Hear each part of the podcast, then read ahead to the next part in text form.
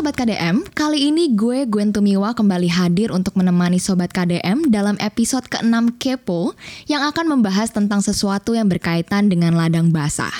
Ladang basah yang gue maksud di sini tentunya bukan dalam arti harfiahnya ya, tetapi adalah profesi atau jabatan atau pekerjaan yang berpotensi besar untuk melakukan tindakan yang bertentangan dengan hukum atau bisa kita sebut tindakan kotor. Pada episode ini kita akan mengorek hal-hal tersebut melalui salah satu profesi dalam bidang hukum. Sudah hadir bersama gue di sini seorang sarjana hukum dan juga PPAT atau pejabat pembuat akta tanah yang gue ajak jauh-jauh nih dari Manado. Yang gue kenal aktif banget juga dalam menyuarakan isu-isu hukum. Langsung aja Yoanda. Hai Yo. Hai, halo Gwen, halo Sobat KDM Ini gue lihat-lihat di sosial media lo aktif banget ya Entah jadi pembicara acara atau kasih penyuluhan hukum Lagi sibuk kegiatan apa aja sih Yo?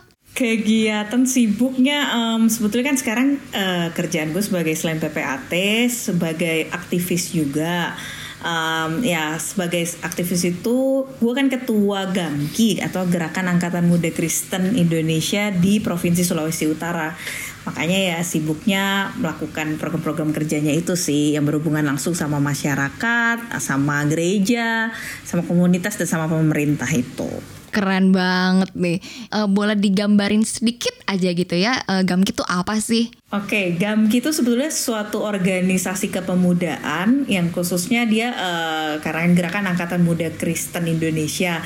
Jadi dia organisasi kepemudaan Kristen yang sebetulnya uh, tujuannya untuk sebagai pengabdian juga. Nah, pengabdian itu kan nggak terbatas kalau misalnya kita biasanya cuma di gereja aja, tapi ini pemuda Kristen yang juga mengabdi kepada masyarakat, juga untuk sebagai jadi mitra kritis untuk pemerintah juga. Jadi kita uh, istilahnya uh, bekerja sama bersinergi dengan pemerintah-pemerintah kalau aku khususnya di pemerintah daerah provinsi Sulawesi Utara dan juga kita bisa kasih masukan-masukan atau ya mengkritik ketika ada kebijakan yang tidak sesuai dengan koridor uh, yang yang seharusnya. Maksudnya kita nggak cuman uh, aktif di gereja kita aja, tapi kita juga melakukan sesuatu kepada masyarakat untuk mengaplikasikan apa yang kita sudah pelajari di gereja, di Alkitab gitu. Oke. Okay. Nah, kalau lihat nama lo di belakang ini kan SHMKN ya. Artinya uh, bergeraknya nih di dunia atau di ranah perdata nih. MKN tuh kenotariatan ya. Uh, ada namanya PPAT sama ada namanya notaris. Bedanya apa tuh? Uh, mungkin nggak semuanya berlatar belakang hukum, jadi biar saling tahu juga. Jadi sebetulnya bedanya notaris sama PPAT itu kalau misalnya notaris kita tuh ngurusinnya lebih ke uh, perusahaan-perusahaan atau ada perikatan-perikatan atau perjanjian-perjanjian perdata. Nah kalau PPAT tuh lebih ke uh, karena dia pejabat pembuat akte tanah yang ngurus-ngurusin tanah peralihan hak atas tanah entah itu jual beli atau entah itu waris entah itu hibah jadi lebih ngurusin khusus spesifik soal tanah. Oke, berarti uh, kalau PPAT dia itu pasti notaris, sedangkan kalau notaris belum tentu PPAT. Betul. Walaupun pada prakteknya sih biasanya uh, selalu bergandengan. Pasti dia kalau notaris pasti dia juga akan ngurus PPAT itu dia. Kalau PPAT sebetulnya ada juga sih PPAT sementara yaitu camat-camat gitu. Mungkin di daerah-daerah tertentu yang memang tidak cukup atau tidak ada notaris, jadinya camat bisa bertindak juga sebagai PPAT. Oh oke okay, oke. Okay. Kalau dihitung-hitung nih, jadi udah berapa lama nih yuk lo menjalani profesi di bidang hukum ini? Kalau misalnya sebagai profesi berarti dari lulus gue kuliah ya. Betul. Ya kira-kira itu mungkin udah ya 7-8 tahun gitu kali uh, itu uh, awalnya dari mana tuh? Dari uh, Jakarta dulu, terus akhirnya ke Manado sekarang ini atau gimana? Betul, gue kan uh, S2 gue ngambil di UPH nih di Jakarta. Abis itu abis selesai S2 gue sempat kerja juga di suatu perusahaan properti. Uh, dan habis itu jalani magang. Jadi kita kan notaris tuh ada kewajiban untuk magang 2 tahun sebelum bisa buka kantor sendiri. Nah, gue sempat magang juga di Jakarta uh, baru akhirnya ketika gue mau membuka kantor sendiri kan kalau peraturan dari Kementerian Hukum dan HAM itu yang boleh jadi notaris itu ada wilayah-wilayahnya gitu gue jadi gue harus milih uh, wilayah yang di luar yang uh, Jakarta Tangerang namanya itu ada kelompok D jadi gue pikir daripada gue nggak tahu mau taruh di mana ya udahlah kita kembali aja ke kampung sendiri. Dan baliklah gue ke Manado. Artinya persaingan untuk masuk Jakarta tuh ketat ya? Uh, selain ketat juga dibatasin sama aturan itu dia. Jadi kita nggak bisa langsung masuk Jakarta. Kita harus lima tahun dulu di D uh, which is nggak ada Jakarta di Jakarta ini di A semua nih namanya kategori kelompok A jadi ntar gue berapa tahun di D baru bisa pindah ke C nanti wilayah C pindah lagi ke B setelah tahun dan baru akhirnya bisa buka di Jakarta di A. Panjang ya, perjalanannya panjang banget, banget ya. banget. Awalnya kenapa sih lu mau ambil jurusan hukum atau masuk ranah hukum yuk? Sebetulnya kalau awalnya banget nggak ada nggak ada niat sih mau masuk hukum waktu itu pilihannya tuh ekonomi atau hukum. Kalau awalnya banget ya, cuman ternyata uh, se seiring dengan berjalannya waktu uh, ya gue enjoy juga ternyata jiwa sosial gue lebih tinggi daripada uh, tadinya nih SMA atau SMA masuknya IPA gitu kan ternyata pas kuliah nggak kepake semuanya tuh sudah nggak kepake malah tapi lebih enjoy juga. Tahu gini gue langsung masuk IPS gitu ya? Iya kalau gitu masuk IPS aja cuman ya ya udahlah itu jalan Tuhan sih gue mengimani. Tapi akhirnya sampai hati tuh mantap untuk masuk hukum, pasti ada triggernya dong di awal. To be honest ya, triggernya tuh sebetulnya nyokap sih. Jadi nyokap yang bilang kayaknya mungkin itu ya uh, sense-nya dari ibu ya. Dia kayak ah kamu lebih cocok masuk hukum nih gitu kan. Kayak kamu mama lihat-lihat lebih cocok kan masuk hukum. Jadi kayak uh, kita juga masih YOLO ya ya udah coba aja. Oke, okay, berarti kan ini kalau gue lihat lo ketika ngambil jurusan hukum ya go with the flow aja gitu kan ketika masuk ranah hukum. Yes, betul. Tapi di dalam prosesnya ketika lo udah mempelajari hukum, udah paham hukum, itu ada mengubah mindset lo nggak? Kayak mungkin gue pengen jadi pengen bikin ini nih atau gue pengen merubah ini nih. Kan biasanya kan orang suka gitu kan di tengah-tengah perjalanan itu. Iya benar, benar banget. Apalagi maksudnya ya kita perlu akuin bersama bahwa di negara kita ini di Indonesia uh, penerapan penerapan sistem eh, penerapan hukum itu tidak semudah atau seindah yang dibilang teorinya gitu. Jadi banyak pada prakteknya ya masih uh, banyak banget terjadi kecurangan di sana dan sini gitu. Jadi ketika kita semakin mendalami soal ilmu hukum ini, kita jadi kayak greget gitu. Apalagi kita khususnya uh, sobat KDM atau teman-teman yang beragama Kristen gitu, kayak merasa terpanggil gitu loh. Kita kok kenapa ini nggak bisa dibuat ke, ke sebagai suatu hal yang baik dan benar gitu sesuai dengan koridor-koridor hukum yang ada gitu. Nah, ketika lo sudah menjalani uh, pembelajaran itu, artinya mungkin sebelum lulus lah gitu sebagai seorang sarjana hukum, sempet gak sih ada kepikiran soal konsekuensinya yang akan uh, lo hadapi? Bahwa yang namanya entah korupsi atau nepotisme dan kawan-kawannya itu bisa benar-benar terpampang nyata atau betul-betul beririsan dengan kehidupan pribadi lo gitu. Oh iya iya sempet banget. Bahkan kalau misalnya mau cerita sedikit nih soal profesi gue profesi gue kan berkaitan dengan pertanahan ya di mana ya seperti judulnya kita ini tanah sebagai suatu lahan yang basah gitu loh. Kadang kita mesti nggak munafik kalau misalnya uh, kalau ngurus sesuatu hal gitu itu kalau nggak nyogok atau kalau nggak bayar itu lebih lama pengurusannya jadi harusnya yang tadinya kalau menurut uh, peraturan gitu, menurut SOP-nya itu cuma dua minggu, kalau kita nggak tambah pelicin nih, wah bisa berbulan-bulan bahkan bisa berkas kita nggak dikerjain sama sekali. Nah hal-hal kayak gitu ya ada dan ya menjadi pergumulan juga gitu ketika sebagai kita umat Kristen yang ditempatkan di hal-hal seperti itu, apakah kita harus go with the flow atau ya kita benar-benar uh, tetap berpegang teguh pada kepercayaan kita dan nggak mau ikut dengan hal-hal seperti itu. Ya konsekuensinya ya itu berkas kita lama lah atau bahkan nggak dikerjain. Bahkan urusan beberapa urusan-urusan yang harus terhambat dengan uh, kalau kita mempertahankan integritas kita ketika lo menghadapi situasi itu apa tuh uh, kalau gue boleh tahu yang muncul di pikiran lo atau pergumulan apa yang betul-betul lo uh, hadapi di saat itu? Dan apa sih bentuk nyatanya yang akhirnya uh, lu lakukan untuk menghadapi itu semua sebagai seorang Kristen? Karena kan ya di firman Tuhan aja udah dibilang untuk kita hidup lurus sesuai dengan firman Tuhan. Tapi memang pekerjaan kita ini kan bukan pekerjaan yang mudah gitu ya. Betul. Selama eh, maksudnya kita nih masih hidup di dunia juga kan. Yeah.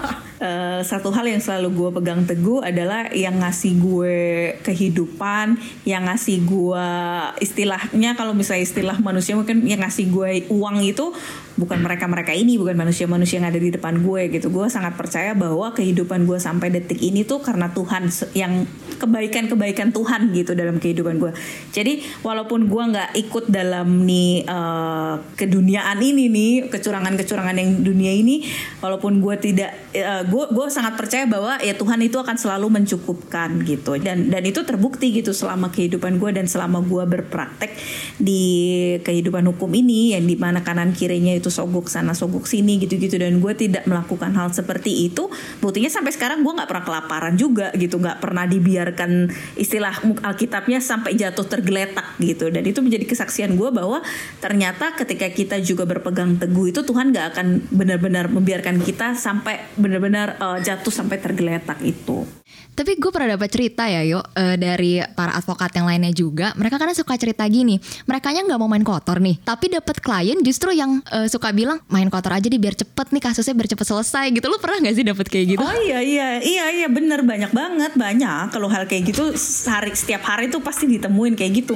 Cuman ya kita ya harus bener-bener apa ya stand firm gitu loh sama what we believe. Jadi ketika dari awal gue akan gue udah akan bilang e, bapak ibu kalau misalnya bapak ibu mau percaya sama saya, saya akan mengerjakan ini ya sesuai dengan aturan yang ada gitu. Bapak Ibu nggak usah takut bahwa uh, ini kalau selama Bapak Ibu benar gitu ya saya akan perjuangkan sampai kapan pun itu. Tapi kalau misalnya mau bermain dengan cara-cara yang tidak sepertinya ya Bapak boleh cari orang lain gitu. Saya nggak bisa, mohon maaf. Jadi dari awal gue pasti udah akan state clear gitu. Kalau misalnya ya gue nggak akan, uh, eh, gue bukan tipikal uh, yang bermain seperti itu. Jadi kalau memang masih uh, uh, Bapak Ibu mungkin ingin melakukannya ya mungkin bisa cari orang lain gitu. Berarti kalau sampai kliennya bisa mikir gitu tuh mungkin apakah udah separah itu kali ya stigma-stigma hukum di mata masyarakat gitu. Iya, begitulah emang nggak bisa dihindari. Oke, kalau tadi kita ngomong mungkin uh, sesuatu yang udah pasti, mungkin ketika kita posisinya sudah bekerja secara tetap gitu ya. Tapi gimana nih dengan anak-anak magang yang biasanya kan mereka nih cuma nurut aja gitu ya sama perintah dari atasannya. Lo pernah nggak sih punya punya pengalaman magang yang di mana atasan lo tuh nyuruh lo buat main kotor karena gue yakin ini juga jadi dilema besar buat anak-anak magang yang di mana hati nuraninya tuh bilang gak mau tapi ini disuruh atasan gue. Serba salah gitu kan kalau gak gue turutin ntar gue dikasih penilaian jelek lagi sama dia ntar gue malah susah lagi dapat kerjaannya dan lain sebagainya. Kalau pernah gimana tuh menghadapi itu sebagai pemuda Kristen? Pernah kalau pernah pernah banget. Waktu itu gue kan sempet magang juga kan dua tahun di kantor orang. Jadi mau gak mau kan punya atasan juga.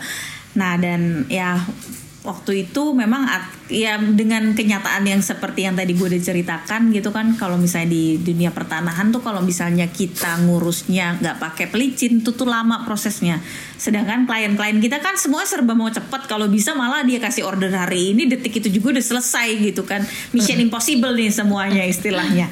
Nah mission mission impossible ini kan ya mau nggak mau harus ada duit pelicinnya Nah, itulah maksudnya di situ muncul uh, kualitas kita juga itu di situ di harusnya juga bermain peran gitu. Jadi kalau gue udah bilang juga ke bos gue, Bu, kalau misalnya urusan-urusan seperti itu, ya minta tolong ibu jangan uh, saya nggak akan mau gitu loh. Ibu boleh suruh orang lain gitu, tapi kalau ibu suruh saya minta maaf gitu, saya nggak bisa ngelakuin.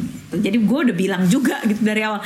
Dan sebetulnya kalau misalnya kita emang punya kualitas yang layak untuk dipertahankan biasanya atasan pun ngerti gitu kayak ah ya udahlah kalau kamu mah nggak usah diurusin jadi di pada prakteknya waktu itu gue kerja jadi kalau urusan urusan nyogok nyogok gitu itu ibu udah nggak bakalan ngomong ngomong sama gue padahal waktu itu gue bener-bener istilahnya asisten manajer ya bener-bener kayak tangan kanan dia lah.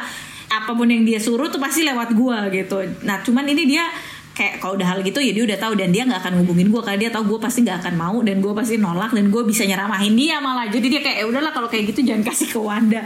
Dan puji Tuhan ya selama selama ini juga justru malah ketika gue udah selesai magang uh, beliau malah minta-minta gitu loh. Terus uh, maksudnya uh, walaupun gue tidak melakukan hal itu dia tetap mempertahankan gitu kayak bujuk-bujuk kalau bisa tetap kerja sama dia gitu ya. Karena ya kita juga selain di sisi itu kita nggak mau melakukan tapi kita juga benar-benar apa ya apa yang kita ucapkan sama yang kita lakukan tuh sejalan Itu lakukan apa yang kita ucapkan, ucapkan apa yang kita lakukan gitu. Jadi ketika dia ngasih duit sama gue, dia mau ngasih gue berkantong-kantong pun berapa ratus juta, gue nggak akan ambil sepeser pun gitu. Dan ya beberapa hal teruji lah integritas kita gitu. Jadi walaupun kita nggak melakukan hal-hal itu, mereka tetap sayang gitu loh istilahnya sama kita menurut gue sih ini lu beruntung sih karena ternyata lu justru punya atasan yang ketika lu nggak sependapat dengan dia ternyata dia juga tetap support lu gitu tapi lu punya nggak sih kayak temen-temen yang lu tau lah mereka juga main kotor gitu misalnya tapi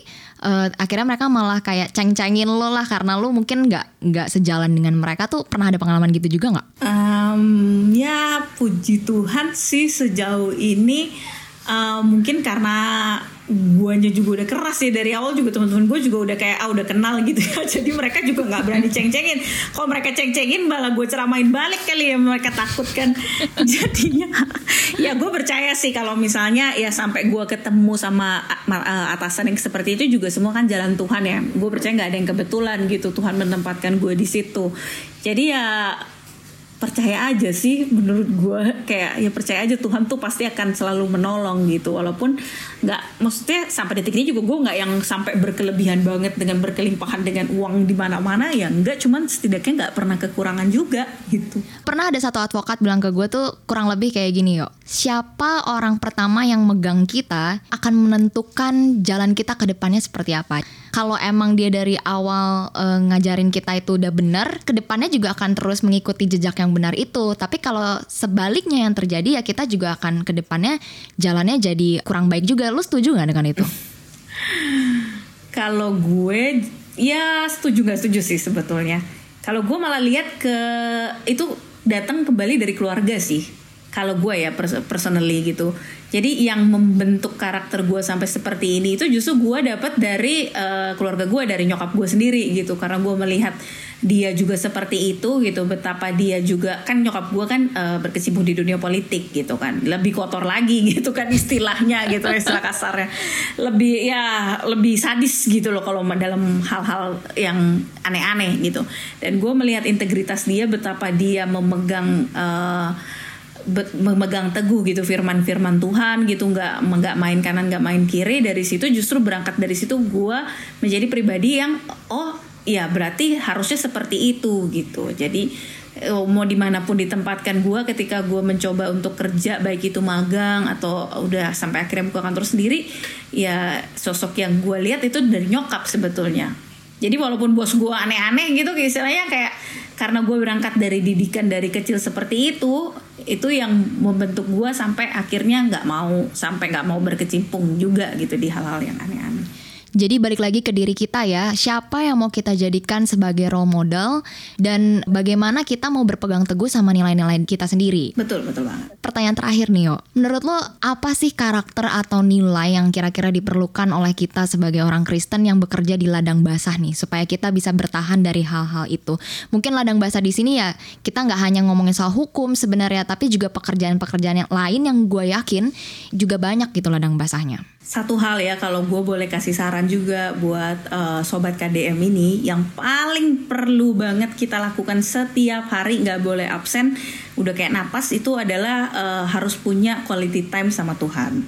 Entah itu setiap pagi uh, saat teduh gitu atau enggak bisa uh, malam gitu terserah ya masalah waktu. Cuman bener-bener setiap hari itu udah kayak napas kita mesti punya uh, waktu khusus waktu tersendiri untuk uh, saat uh, saat teduh atau pokoknya sama Tuhan lah entah itu dalam bentuknya quality time uh, mau saat teduh kah mau baca Alkitab kah atau mau renungan apa pun itu yang jelas uh, jadiin waktu khusus itu sama Tuhan entah kita mau ngobrol sama Tuhan aduh Tuhan hari ini aku mau gini gini gini. Pokoknya ini dari 24 jam waktu kadang gue suka negur diri gue sendiri nih Gwen kalau misalnya gue udah terlalu sibuk gitu sampai misalnya pagi-pagi pun gue lupa nih saat teduh kadang gue suka negur diri gue sendiri kayak ya ampun Wanda Tuhan nih kasih kamu waktu 24 jam loh sehari. Masa 5 sampai 10 menit aja dikasih waktu untuk uh, saat teduh dikit gitu, baca Alkitab aja nggak sempet gitu loh. Gila banget itu. Jadi kayak gue hal itu yang buat keep me ongoing gitu setiap hari kayak nggak boleh nih 24 jam